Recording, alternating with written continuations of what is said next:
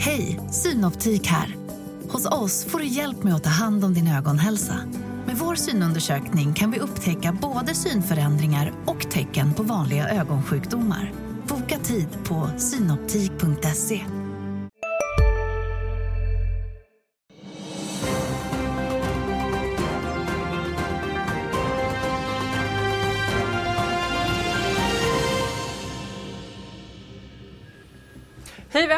Hej och välkomna till Börsmorgon. Det är onsdag 6 december, tillika Finlands självständighetsdag. Visste du det, Gabriel? Mm, det visste jag. Och då ska man inte säga hyve huomenta utan man ska säga hyve Itsensyspeive.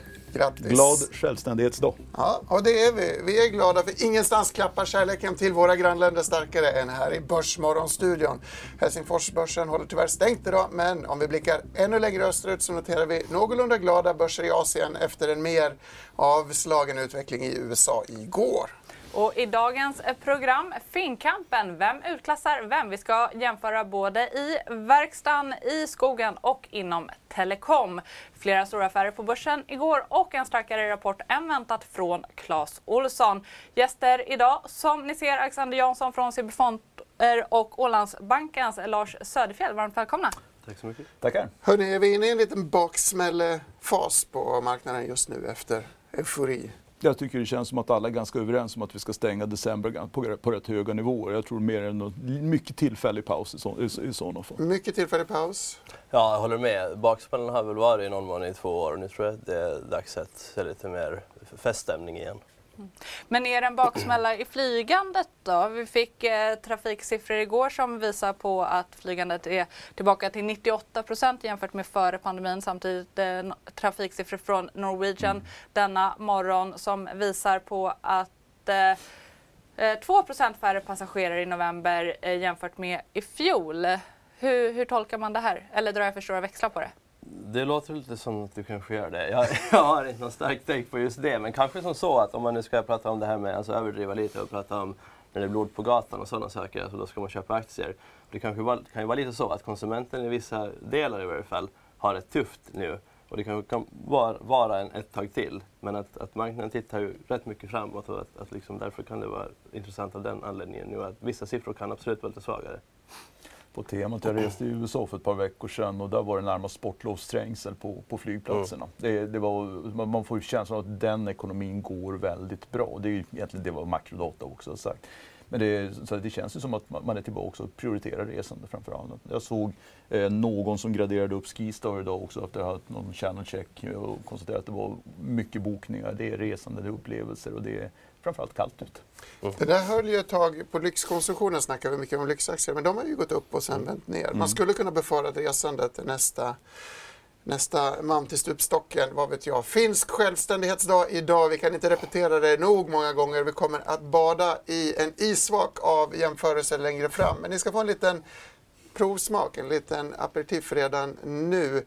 Eh, för det här är nämligen en av de sämst, sämsta eh, marknaderna som finns i Inte bara en av de sämsta i Europa, det är, det, är den sämsta i Europa. Ta, utvidgar det till EMEA, då är faktiskt Tanzania, Kenya och Nigeria sämre. Det, det, är, de, det är de eh, i botten. Eh, och tittar vi globalt så är faktiskt de kinesiska, eller framförallt Hongkongbörsen, sämre. Men Finland har haft en jättetuff marknad under 2023. Ner 10 för HEX 25-index, så motsvarigheten till vårt OMX30, samtidigt som Eurostox är upp ungefär 15% under samma period. Men vad beror det här på då?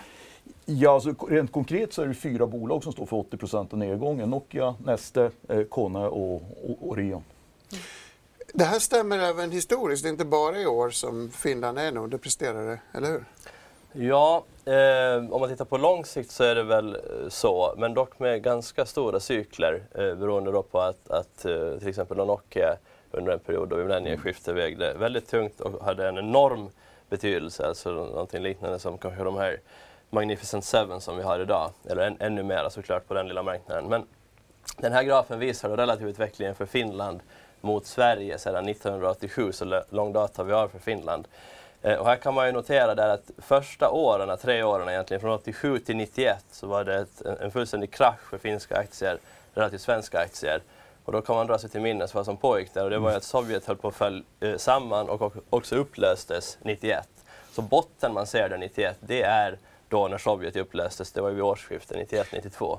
Eh, så det, har, och det ska man också ha med sig när man tittar på den här grafen. Alltså de tre sista åren, Sovjet hade ett enormt inflytande på Finland eh, via en pakt man hade ingått där de hade styrde och ställde väldigt mycket. Så jämfört med eh, 91 kan man helt enkelt ja. se det som att Finland vinner över Sverige? Ja, just från den. Det är ju en botten så man kanske inte ska överdriva det heller. Men så att säga, det var en väldigt dramatisk start där och sen hade du en dramatisk start åt andra hållet för då kom liksom Nokia igång och Finland blev också mycket mer av ett fritt land från början av 90-talet. Och sen ser man ju då att, att, att det har varit rätt slagigt och om de senaste, senaste tio åren, alltså typ från finanskrisen då framåt, så är det ju rätt jämnt skägg även under den perioden. Vi ska prata mycket mer Finland lite senare, eh, men vi har många dagsaktuella nyhetsböcker att kasta oss in i först. Min reflektion är att Sovjet håller på att falla samman ännu en gång just nu och det påverkar säkert Finland. Men det återkommer vi till. Jag vet att det inte heter Sovjet längre. Eh, Tack, jag var orolig där ett tag. Bufab höjer målen. De har kapitalmarknadsdag idag och har skruvat upp sina lönsamhetsmål som man bör på en kapitalmarknadsdag. Nu ska ebitda-marginalen nå 14 procent senast 2026. Tidigare så hade man ett mål på 12 procent fram tills i år. Någon reflektion här? Ja, för det första så tycker jag det, man, det, var inte helt oväntat. De har haft en, en bra lönsamhetsutveckling. Eh, de har, är i princip uppe på de här eh, 12 målen. Eh, vi tycker det är kul. Det är vårt, ett av våra fem största innehav i småbolagsfonden på det sättet. Det är ju en, ett kvalitetsbolag i allt väsentligt som jobbar med så kallade C-parts fästelement av olika slag.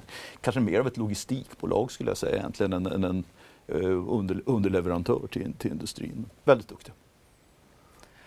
Vi ska eh, vidare till ett eh, annat bolag eh, som kommer med nyheter. Det är prylkedjan Clas Ohlson som redovisar ett justerat rörelseresultat på 277 miljoner kronor eh, för andra kvartalet i sitt brutna räkenskapsår. Det här var klart över förväntan. Vad gäller julhandeln så har den börjat bra och i november så hade Clas Ohlson en organisk försäljningstillväxt på 7% medan totala försäljningen ökade med 4 Det här pratade vi med VD Kristoffer Tonström om tidigare i morse. Man ser väldigt tydligt att konsumenterna dels är man fortsatt eh, enormt prismedveten. Eh, vi ser att väldigt många av våra kunder väntar in eh, barnbidrag, pension, lön. Så att prisvärdhet är avgörande. Och sen har väl vi själva varit inne mycket i en resa de här senaste åren att, att ställa om väldigt mycket från produkter som är roliga att köpa till bra att köpa till verkligen nyttiga att köpa. Så att mycket av de nyheter vi lanserat och de kategorier vi fokuserar på är ju väldigt behovsdrivet. Så att man handlar det man verkligen behöver och man är verkligen prismedveten. Så att prisvärdhet och relevans är väl egentligen de två viktigaste delarna för oss. Eh, för att det är såklart utmanande för, för väldigt många hushåll. Hela intervjun finns på di.tv. Ja, även här pratar man ju om en stark konsument. Eh, är oron överdriven? Jag tror det i alla fall. Vad, vad vi ser nu, det är mycket, om vi tittar in i, i nästa år lite grann, för det är mycket förväntningar man bygger där. Men det viktiga är väl att inflationen fortsätter att falla tillbaka så att vi ser reallöneökningar. Det vi har sett i USA har vi sett en positiv effekt på konsumtionen. Detaljhandeln har vänt uppåt under de senaste månaderna i det fallet. Eh, vi laggar ju lite grann både i Sverige och Europa vad det gäller inflationen men det börjar komma ner på nivåer, åtminstone på kontinenten, som ligger på, på bra nivåer. Och har du samtidigt löneökningar som ligger på runt 4 procent i, i snitt så ja, då blir det mer pengar i plånboken, mer över, över för konsumtion. Sen noterar jag att eh, Christian säger att eh, konsumenten är väldigt prismedveten. Det ty tycker jag också man kan se att det är mycket lågpriskedjor och så vidare som rapporterar bra siffror. Tillbaks till det som du var inne på Gabriel med high-end luxury kanske har varit mm. lite, eh, hamnat lite i skymundan. Men så man kan tolka det som att eh, Clas Ohlson verkar i rätt segment de och borde gör vara rätt saker? Sen ska man komma ihåg att aktien är upp 90 procent i år. 80 så att det, tror jag. Ja, måste, om du lägger tillbaka utdelningarna som jag alltid gör. Ska vi gå vidare tänkte jag, vi har så mycket att, att prata om. Två storposter såldes under gårdagen. Eh, BHG är den ena, apropå konsumenter, eh, alltså gamla Bygghemma och eh, så, apropå bygg, NCC. Eh, det är EQTs Public Value Fond som sålt samtliga sina aktier i BHG. Det här är världens överhängsfond eftersom de ska göra sig om allting. Nu kom eh, BHG-affären. Det här motsvarar en rabatt på 7 jämfört med då gårdagens stängningskurs. Inte så illa pinkat med tanke på att alla visste, eller vad ska man tänka Lasse? Nej, alltså, det, där, det där är väl... Eh, jag är faktiskt lite förvånad över att det gick att göra det där ens med 10 disk, discount. Mm. Där, men eh, ja, det är väl ett tecken på att det finns en riskaptit. Vill du reflektera över marknadshumöret? Det går ändå att göra stora placings. Mm. Ja, det kan jag bara instämma i. att Det, det är väl tillbaka liksom, att det går att sätta sånt och dessutom ett sånt bolag som väl direkt inte kan ha något bättre mer direkt kan göra den placing. Alltså inte EQT mm. utan snarare BHG Grupp. Och vad säger ni då om eh, Nordstjärnan som alltså fortsätter sälja aktier i NCC? Där var det en rabatt på nästan 8 eh, procent eh, men efter försäljningen så äger Nordstjärnan eh, drygt 3,5 procent av kapital, knappt 18 procent av rösterna fortsatt i NCC. Mm. Ja, för, den, för den tålmodiga investeraren så eh, kan nog NCC vara, vara bra också. Fortfarande, bygg är ju pressat så, så här, generellt sett. Det har vi sett i, 3Q-rapporten. Men det är klart att det, om vi tror att räntorna är på väg ner och det finns väl bra anledning att tro att nästa steg åtminstone är neråt, oklart när, eh, så är väl bygg en av de sektorer där trycket lättar i det fallet. Så det, man, man, jag, jag har svårt att säga, liksom, kommer det här att flyga liksom på en månads sikt eller tre månaders sikt? Men tittar man liksom på något, något år eller två så borde väl byggarna kunna komma upp från de här bottennivåerna. Men två relativt dåliga bolag som man kanske vill eh, bli av med när liksom riskaptiten stiger lite. Mm. Men du var inne på att marknaden ligger före, man kanske ska köpa konsumentaktier redan nu. Bygg, det är naturligt nästa steg att köpa bygg om man mm. följer Lasses resonemang här. Mm, mm. Vågar du det riktigt än? Eller skulle Nej, vi, har, vi har ingen bygg, men det har att göra så att säga, med vår strategi också, där vi inte, den typen av bolag gillar vi inte eh, på grund av att de är cykliska och dessutom rätt låg kvalitet, de flesta. Fascinerande att man kan få 18 procent av rösterna för 3,5 procent av mm. innehavet. Kan jag tycka ibland på kammaren. Men det, det får vi spara till eh, en annan en maktsändning någon mm. gång. Eh, Lasse, vi har ju nämligen en fin kamp i, i det att Ericsson gick om Nokia i börsvärde igår efter att ha vunnit kampen om en jätteorder från AT&T. Mm. Eh, dina tankar det här? Jag, har en bakgrund som telekomanalytiker. Jag måste säga att den här orden var ju så anmärkningsvärd på många sätt. Framförallt därför att det är första gången på väldigt, väldigt länge sedan jag ser en så stor operatör gå till single sourcing. Även om det är Open RAN som ska göra att det är lite mer plug and play. Men det där har jag hört någon gång förut. Det är inte fullt så lätt kan du förklara, att Vi försökte förklara Open RAN igår och jag känner att jag fortfarande behöver förklara. Ja, men väldigt, väldigt enkelt så, så, är det ju öppna interface som gör att man ska kunna eh, använda eh, olika typers, eh, ty typer av eh, leverantörers utrustning i näten utan att göra några stora hårdvaruförändringar. Utan det är mjukvarudrivet. Eh, och det öppnar gränssnitt vilket gör att det här, det här är lätt. Men som sagt, ändå liksom att man brukar alltid se att de här stora operatörerna vill ha åtminstone två, gärna fler le leverantörer. Eh, både för att kunna spela ut dem mot varandra vad det gäller pris och också för att eh, minska sårbarheten vad det gäller leveranssäkerhet. Eh, men det kom ihåg, både Ericsson och Nokia har haft sina problem med till exempel komponentbrist under de senaste åren. Nu finns inte Huawei eh, tillgängligt längre.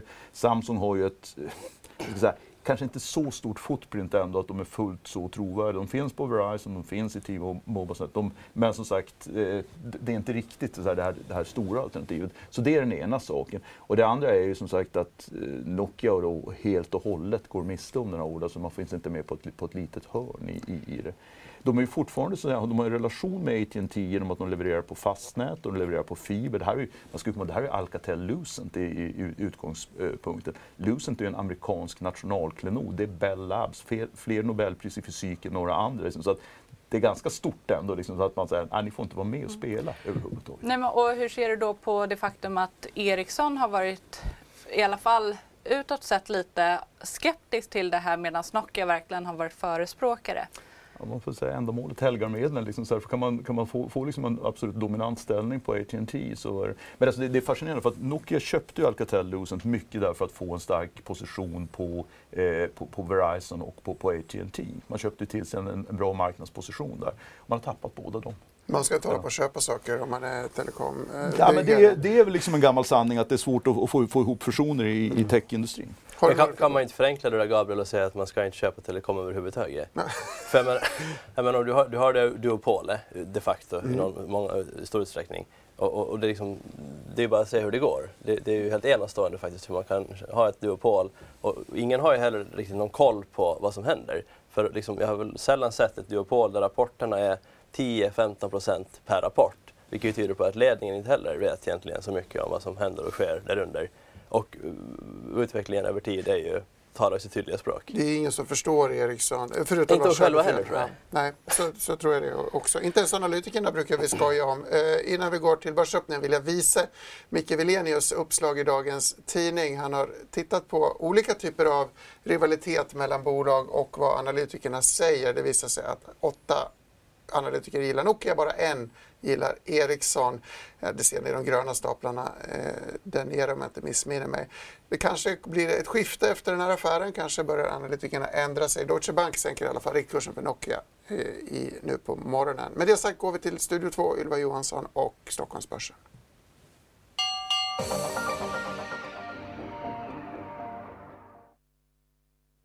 Mm, och det blir en positiv öppning på Stockholmsbörsen denna onsdag som ju också är eh, lillördag och Finlands nationaldag. Stockholmsbörsen öppnar svagt uppåt och vi har SKF i toppen på storbolagsindex som har fått en höjd rek från BNP Paribas under morgonen här idag eh, och stiger 1,5 följt av Boliden.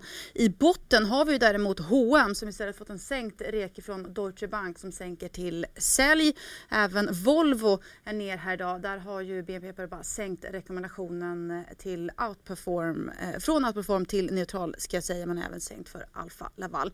Eh, men eh, dagens eh, stora vinnare just nu ser väl kanske ut att bli Clas Olsson som rusar 8% efter ännu en stark rapport. Sen har ni varit inne på de här stora försäljningarna som ju skedde igår. EQT har ju sålt hela innehavet till BOG till en rabatt på 7% BOG lyfter dock eh, 3% här i inledningen idag.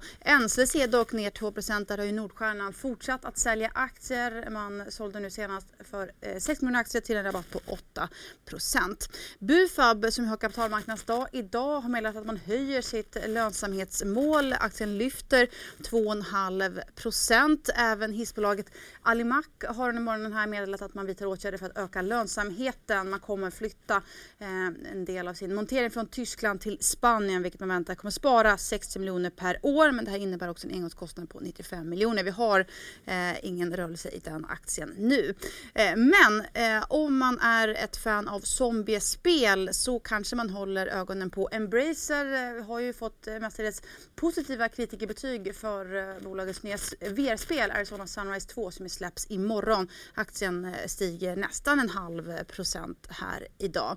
Sen så har medicinteknikbolaget Ostdesign kommit med en omvänd vinstvarning och spår högre intäkter i Q4 än vad analytikerna räknat med aktien rusar över 20% här idag.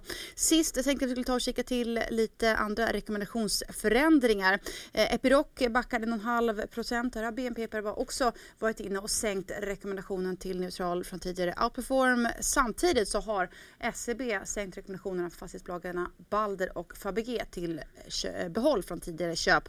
De är ner 1,5 procent vardera ungefär. Eh, men som sagt, det är en öppning uppåt på Stockholmsbörsen även om det inte är en jättestor uppgång. Eh, både OMXS30 och breda index stiger svagt. Hej, Ulf Kristersson här. På många sätt är det en mörk tid vi lever i. Men nu tar vi ett stort steg för att göra Sverige till en tryggare och säkrare plats. Sverige är nu medlem i Nato. En för alla, alla för en. Vi är specialister på det vi gör precis som du. Därför försäkrar vi på Swedea bara småföretag, som ditt. För oss är små företag alltid större än stora och vår företagsförsäkring anpassar sig helt efter firmans förutsättningar. Gå in på swedea.se företag och jämför själv. Medans du gjorde din förträffliga genomgång Ylva så gick BHG från plus till minus.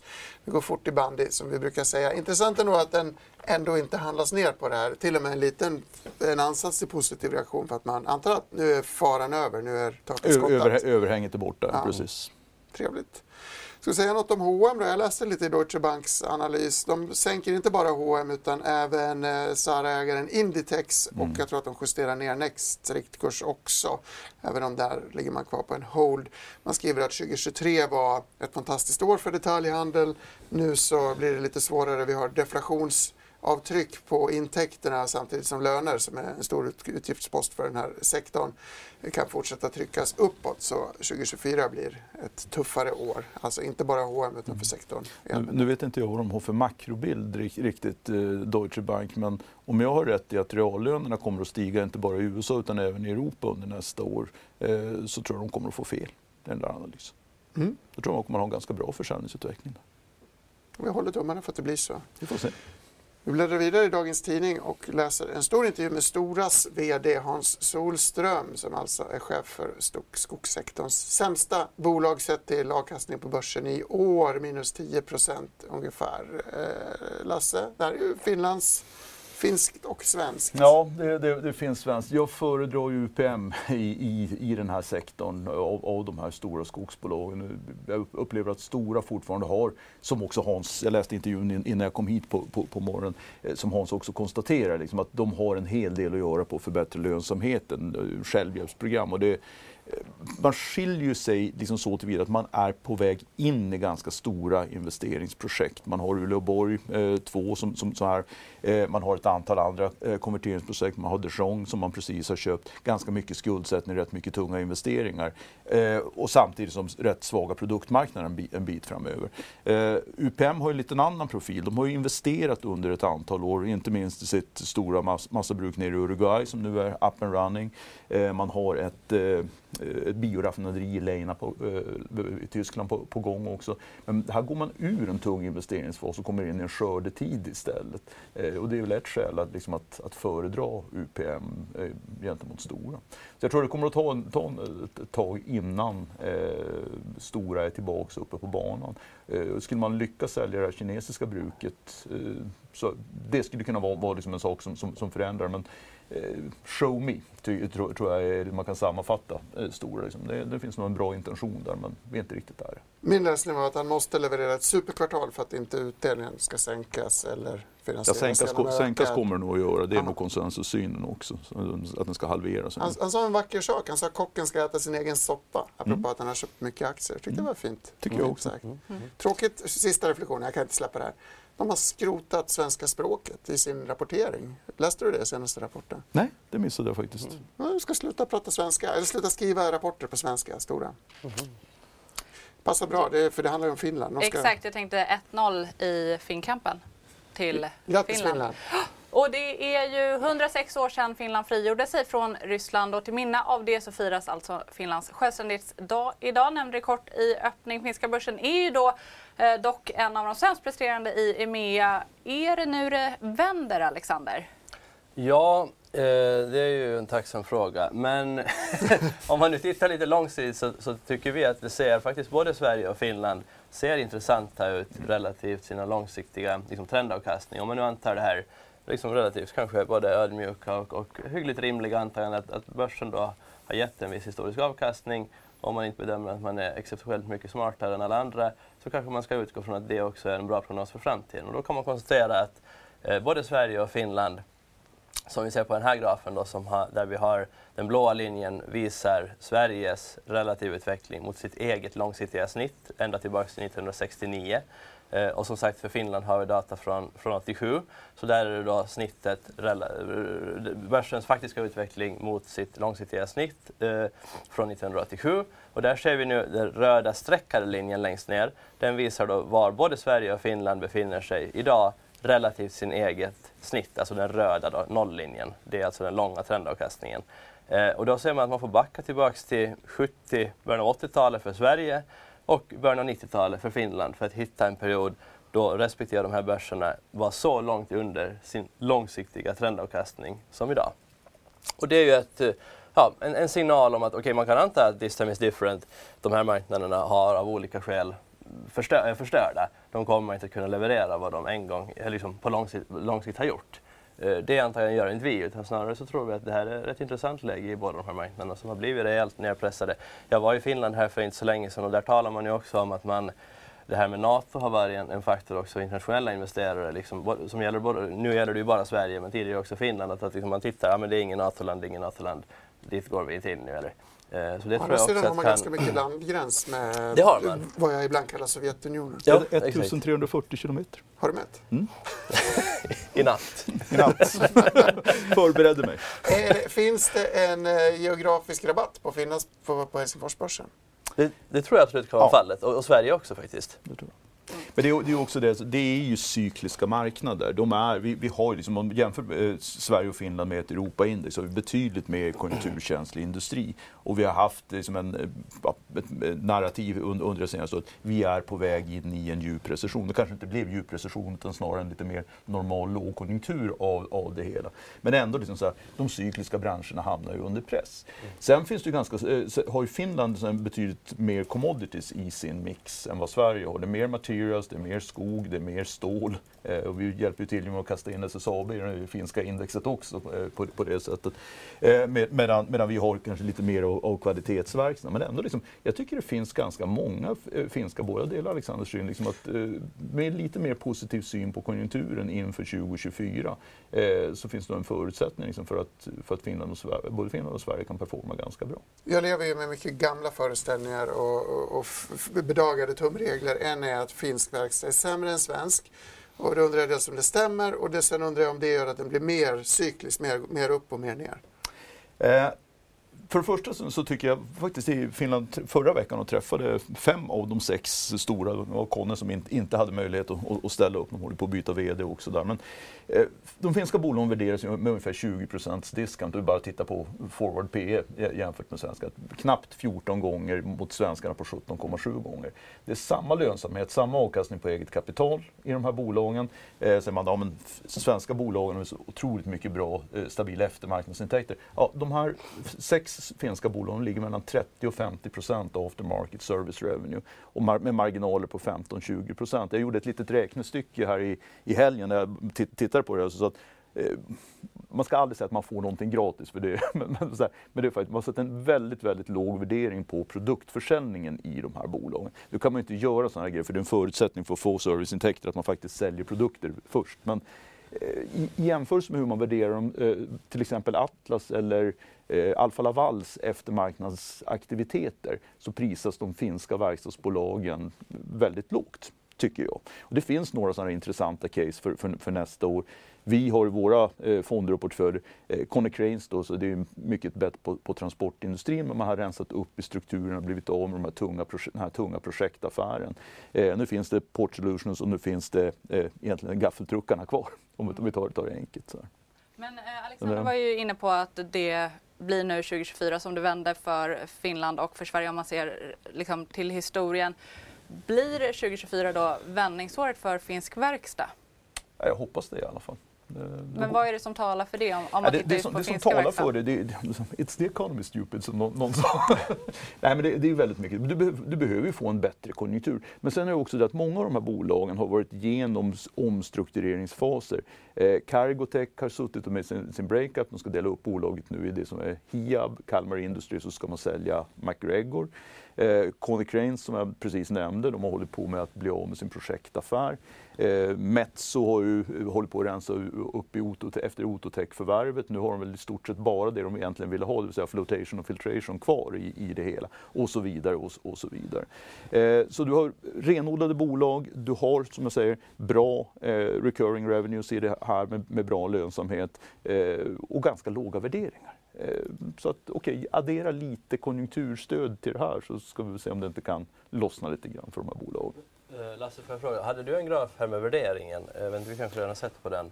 Jag tyckte det såg väldigt intressant ut. Alltså där såg man att vi hade ett P-tal nere på corona-botten nästan. Exakt. Stämmer det? Japp, det stämmer. Och det, jag menar, då har du ju det här klassiska med att alltså, ingen kan tajma marknaden. Men om du nu har en så låg värdering, ja, det här tycker jag är väldigt talande. Mm. Det är klart att då har du ju rätt mycket kudde och, och hängslen och allt mm. möjligt. Mm. Då kan man ju definitivt börja titta på det här och köpa och sen kan det inte vända imorgon eller nästa vecka. Men då har man i varje fall en intressant startpunkt. Men Alexander, du är inne på att både Stockholmsbörsen och Helsingforsbörsen är trendmässigt undervärderade. Men det här måste, när man tittar på den här, så här kan det inte se ut i Stockholm. Nu har vi inte den motsvarande bild för Stockholmsbörsen, men den måste väl vara lite gladare, känns det som? Den, den, den, den är lite gladare, men inte så mycket mm. faktiskt. Utan även Stockholmsbörsen ligger ganska lågt ur ett så här långt historiskt perspektiv. För det tycker jag är spännande, för om man bara tittar på svensk verkstad, där pratar man ju hela tiden om att eh, de är på all time high nivåer. Mm samtidigt så liksom ser vi att, att Stockholmsbörsen i stort är mm. undervärderad. Do not compute. Nej, men sen, sen det där med, med de graferna jag visar, där ska man ju också minnas att vad är trendavkastningen? Mm. Trendavkastningen som vi visar där, jag tror den trenden ligger långsiktigt på någonstans kring 8, 9, 10 procent för Finland och Sverige. Mm. Eh, och det betyder ju då att om marknaden bara ger 5-6 procent några år så, han, så sjunker det hela tiden under trend. Och jag menar, I fjol mm. hade vi ett väldigt, väldigt dåligt år i, i Sverige och så också i Finland tror jag. I år har det varit väldigt dåligt i Finland, lite bättre i Sverige. Men ändå, så att säga, med trend ska man nog inte heller lura sig att det behöver inte gå ner jättemycket. Det behöver bara lägga ett tag så sjunker man rätt mycket under trend. Att hålla det där tempot 7, 8, 9 procent per år, det krävs rätt mycket. Mm. Vi har jämfört Sverige och Finland. Eh, ska vi jämföra USA och Europa också? Säger ni? Jag tror det. Ja. ja. Eh, Allt är bättre i USA va? Mm, exakt.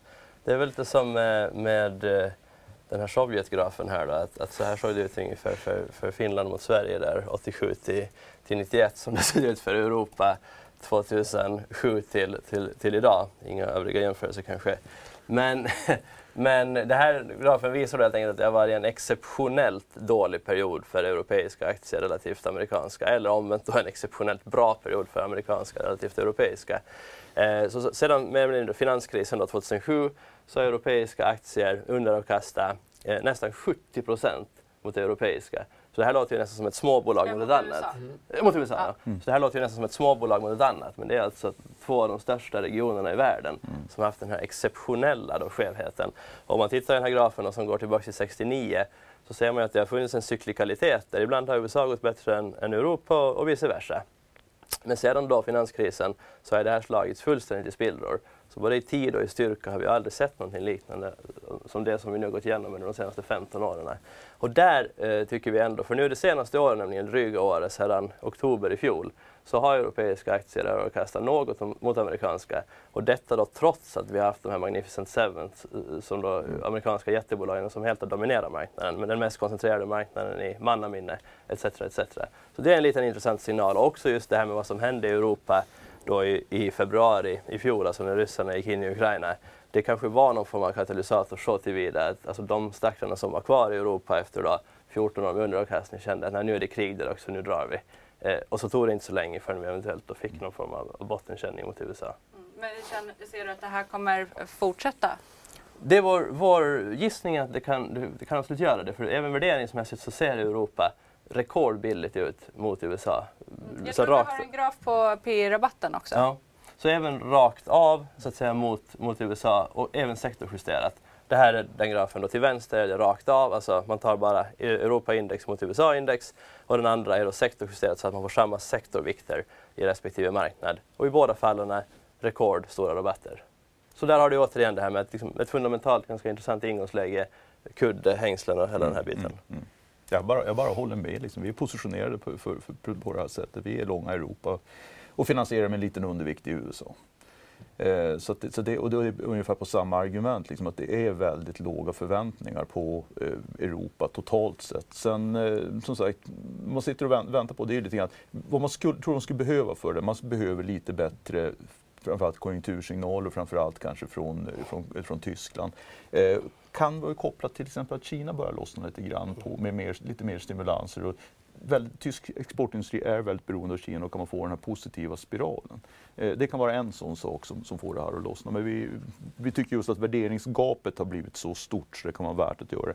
Plus, eh, och det tror jag näst, eh, ligger lite grann i ditt argument också, att ser vi liksom att det finns realräntor så får, får, eh, och som i alla fall ligger på lite högre nivåer och det finns en kapitalkostnad så borde det rimligen gynna de lite min, eh, mer attraktivt värderade bolagen i det fallet. Eh, på, på bekostnad av de här som har stuckit iväg. Om vi ska knyta ihop de här två väldigt intressanta resonemangen och återkoppla till Finland innan vi tar paus. USA, Europa, den dynamiken kommer att vända, mm. men inom Europa är Sverige och Finland ännu billigare än resten av Europa. Tolkar jag det rätt då? Eh, åtminstone Finland är billigare än resten av Europa. Sverige ligger väl mer på, på de, de nivåerna, men Finland är, är väldigt lågt värderat. Ja. Mm, när vi tittar på det med de här till exempel och relativt långsiktig trend och sådana saker så är Sverige och Finland och sticker ut. Men även till exempel ett stort land som Storbritannien så, mm. så ligger väldigt mycket under sin långsiktiga trendavkastning. Eh, och det är ju, jag tror, ja, det är det största eh, landet i Europaindex, så det har stor betydelse. Ska vi eh, stämma av hur Stockholmsbörsen utvecklar sig? Det hade ju varit spännande att göra en jämförelse med den finska börsen idag, men den är ju stängd.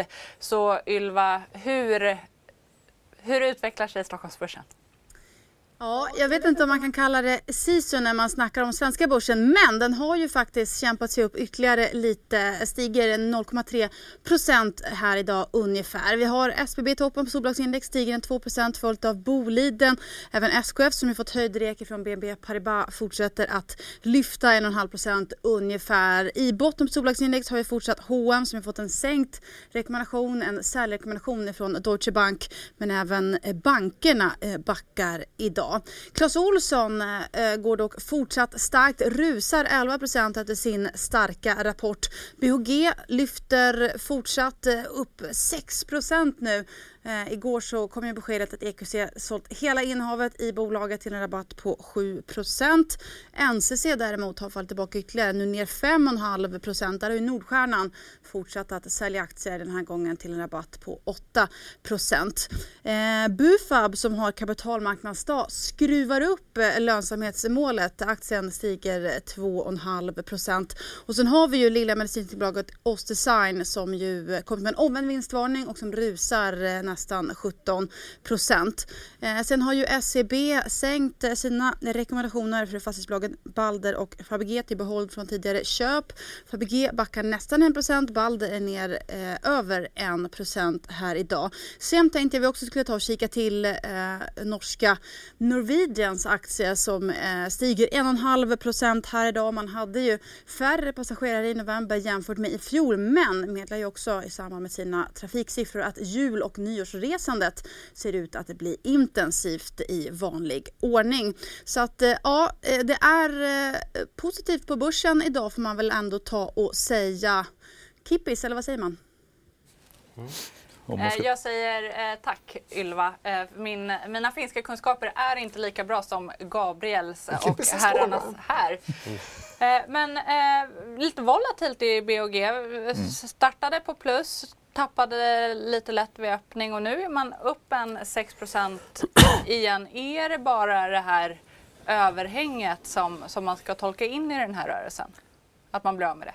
Alltså, det är min tolkning av det i alla fall. Nu ska jag säga liksom att BHG har haft sina, sina, sina beskärda andel av utmaningar under det här året. Som numera, det heter inte problem, det heter utmaningar. Eh, men men, men så här, de har haft ett jäkligt tufft år, eh, kort och gott på alla sätt. Det är väl möjligt liksom, att värderingarna har kommit ner på sådana nivåer. Liksom att, eh, man, det är många som säger att det i kombination med att överhänget för, från, från EQT eh, försvinner, att det är tillräckligt för, för att plocka upp aktien. Kul. Vill du flika in något Alexander? Nej, jag kan nog bara instämma tror jag att marknaden blir av med en osäkerhetsfaktor som har, har stört liksom. och sen då rabatten kan ju som vara relativt låg också. Så. Jag står och tittar på BRF som är upp ungefär 1 procent eh, med resonemanget att samma fond mm. äger BRF-aktier mm. också. De verkar äga ganska mycket, nästan 20, omkring 20 procent av bolaget. Kanske svårare att göra sig av med en så stor post. Men BRF har haft ett tufft år. Oförtjänt mm. tuff, säger några. Mm får se om det, om, om det här inspirerar till köp i den aktien. Ingen av er plockar upp nej, den här BRF-tråden? Nej, inte, inte, inte riktigt. Så vi, vi har en exponering i BRF i, i, i vår småbolagsfond. Eh, så det skulle vara, väl vara trevligt om, om det där överhänget också hade kunnat, kunnat försvinna. Och jag tror att det går att placera. Liksom. Det är bara, bara en prisfråga om man får, får ut rätt pris. Men jag, vi har haft en, en annan position som vi också delat med Equity Public Value. Det är Storebrand och den har vi fortfarande. Då. Och där var det ungefär samma reaktion när de sålde ut sin eh, sin, sin post. Eh, kursen påverkade, gick, gick upp. Liksom så, så att, eh, man kanske inte ska vara så förvånad över BHG-reaktionerna eh, i alla fall mot bakgrund av det. Att man, folk är inte dumma. Man kan också slå upp holdings och, och, och se liksom, vad äger de för någonting. Och i takt med att de här innehaven försvinner bort så, ja, eh, så, så är det ett, som sagt ett överhäng som lättar. Jag är, lite dum, jag är känd för att vara lite dum och eh, jag står där och funderar. Alimak, låter det inte finskt, eh, rent fonetiskt, det här bolagsnamnet? Det är ju ett, eh, ett Skellefteåbolag. Och jag kom, en, gång i tiden så kommer jag ihåg vad, vad det står för också, men, men det har med grundarens namn att göra och, i, i det fallet.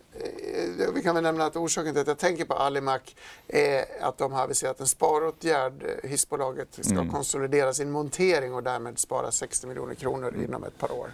Då tog strukturkostnaden på 95 tror jag var på, på, på det hela, så det är payback då på ett och ett halvt år. Det måste man säga, det är ett rätt bra program att köra i det fallet det är ett bra bolag tycker jag. Sen är ju de, liksom, som all, alla andra, så här, drabbade av akt, låg aktivitet i, i byggindustrin. Liksom, så Men det är ganska häftigt faktiskt. De här pinjonghissarna som man, man tänkte, vad är det här för, liksom, för forntidsgrej? de säljer bra, eh, fungerar, fungerar fint och liksom är, de är helt klart marknadsledande på det. Säljer ganska mycket till, till offshore-sidan också. Det är också något som kan börja se lite bättre ut under nästa år. Kanske något man också säljer till jultomten för att kunna ta sig Ner genom in. I, in i husen. eh, nej, vi började prata tomterally eh, mm. redan i november eh, och vi har sett en väldigt koncentrerad eh, uppgång här i december så jag är lite nyfiken på dels om det här börjar bredda sig och vilka historiska mönster du tittar på Alexander i det här? Mm. Då är vi lite tillbaka till det här Europa och USA kanske igen då, att vi har haft en väldigt koncentrerad marknad i år, extremt koncentrerad. Vi får backa tillbaka till 98 eh, för att hitta någonting liknande. Eh, alltså att några få bolag då har stått för ungefär 95 procent av uppgången och resten har i princip varit flat. Eh, åtminstone om man tittar i USA. Och USA är ju ungefär 70 procent av världsindex så det har enormt stor betydelse för de, de flesta investerarna.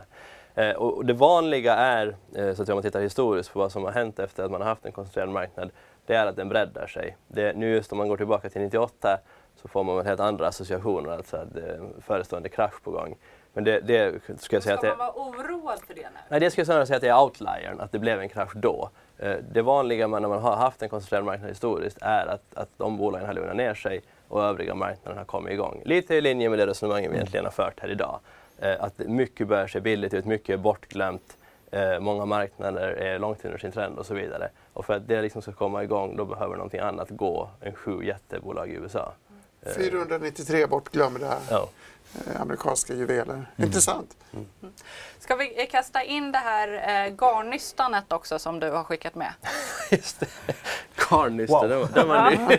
Nej men det, vi ska se om, om eh, tittarna håller med mig. Just det, nu, nu förstår jag att sändningstiden var till klockan 12 idag så jag tänkte faktiskt gå igenom respektive linje här. Nej. Så Nej. vänsterkanten, det tycker jag är intressant. Nej men det här är, det, det ser lite, lite så här kaosartat ut och det kanske det är för det är ju marknadsnedgångar. Från, eh, och från, 19, exakt, från 1950 för S&P 500 och alla nedgångar som är större än 10 procent, alltså historiskt då, så är med här. Eh, och då är väl egentligen det som vårt budskap i det här är att den här nedgången då, den ljusblåa linjen som markeras av det röda strecket då precis var vi var i per 4 december eh, i USA den visar att vi har nästan 500 handelsdagar in i den här nedgången och vi är ner ungefär 5% från toppen då som sattes i princip första börsdagen 2022, alltså tredje i första 2022. Eh, och med det här vill vi säga att det är väldigt ovanligt att nedgångar pågår så här länge. Så alla nedgångar eh, ser ni att, att de flesta har återhämtat sig när man kommer till 500 handelsdagar. Det finns egentligen en kvar, den som återhämtar sig vid 550 och så är det en som återhämtar sig också ungefär, eller två stycken som återhämtar sig ungefär där vi är nu. Eh, och sen då, om man tittar även på de riktigt stora nedgångarna, till exempel finanskrisen, det är den gröna linjen då som är nere på nästan minus 60 procent från toppen mm. efter 350 handelsdagar. Och den, alltså den botten har kommit 350 handelsdagar. Sen ser ni att det är en återgång, så där vi är nu, så den höll då på att återhämta sig. Den, det finns enbart en nedgång historiskt från Precis. 1950 som har gått ner mera från den här tidpunkten och det är IT-bubblan. Den mörkblåa linjen. Mm. Men pessimisten i studion skulle ju kunna säga att vi lever i en tid med högt värderade amerikanska IT-bolag. Mm. Inga liknelser i övrigt. Mm. Ja, ja, jag bara lägger den där. Ja, nej, absolut. absolut. Nej, men jag, jag, jag, jag, kan tycka att, att, du har rätt. Liksom. Vad, hur ska Nvidia värderas egentligen? Liksom så här, visst, det är ett fantastiskt försäljningsmomentum. De har, eh, ursäkta språket, spöat skiten ur förväntningarna de, de, de, senaste kvartalen. Men de multiplar som är på, liksom på 60-70 gånger samtidigt. Liksom det finns ju någon form av förväntan i det här om att det ska fortsätta på det här sättet. Och den dag som man snubblar av, av, av, någon anledning, vad det nu kan vara. Att man helt enkelt kanske inte orkar investera så snabbt i datacenterkapacitet som, som, som, som man gör då.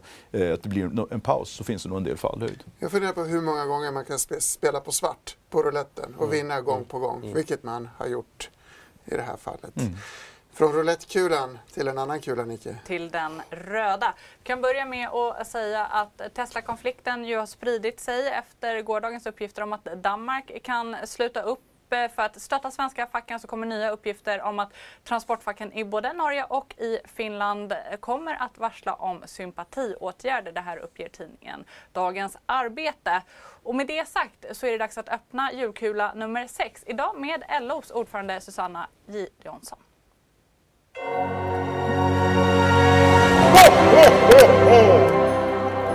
Med en önskan om fred på jorden och eh, fred på svensk arbetsmarknad via svenska kollektivavtal så önskar jag er alla en riktigt god jul och ett gott nytt år.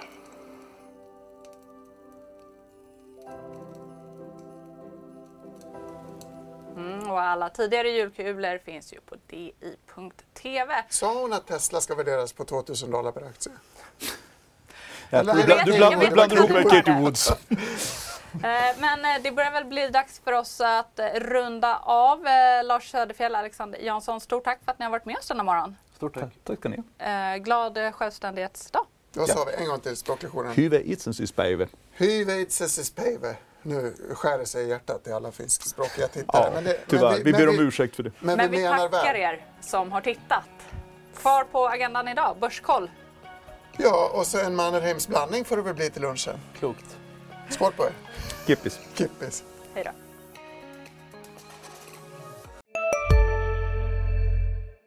Hej, Susanne Axel här. När du gör som jag och listar dig på en av Krys vårdcentraler får du en fast läkarkontakt som kan din sjukdomshistoria. Du får träffa erfarna specialister, tillgång till lättakuten och så kan du chatta med vårdpersonalen. Så gör ditt viktigaste val idag, lista dig hos Kry. Redo för sportlovets bästa deal? Ta med familjen och njut av en Big Mac, McFeast eller Cooper Cheese och Company plus en valfri Happy Meal för bara 100 kronor. Happy Sportlovs deal, bara på McDonalds.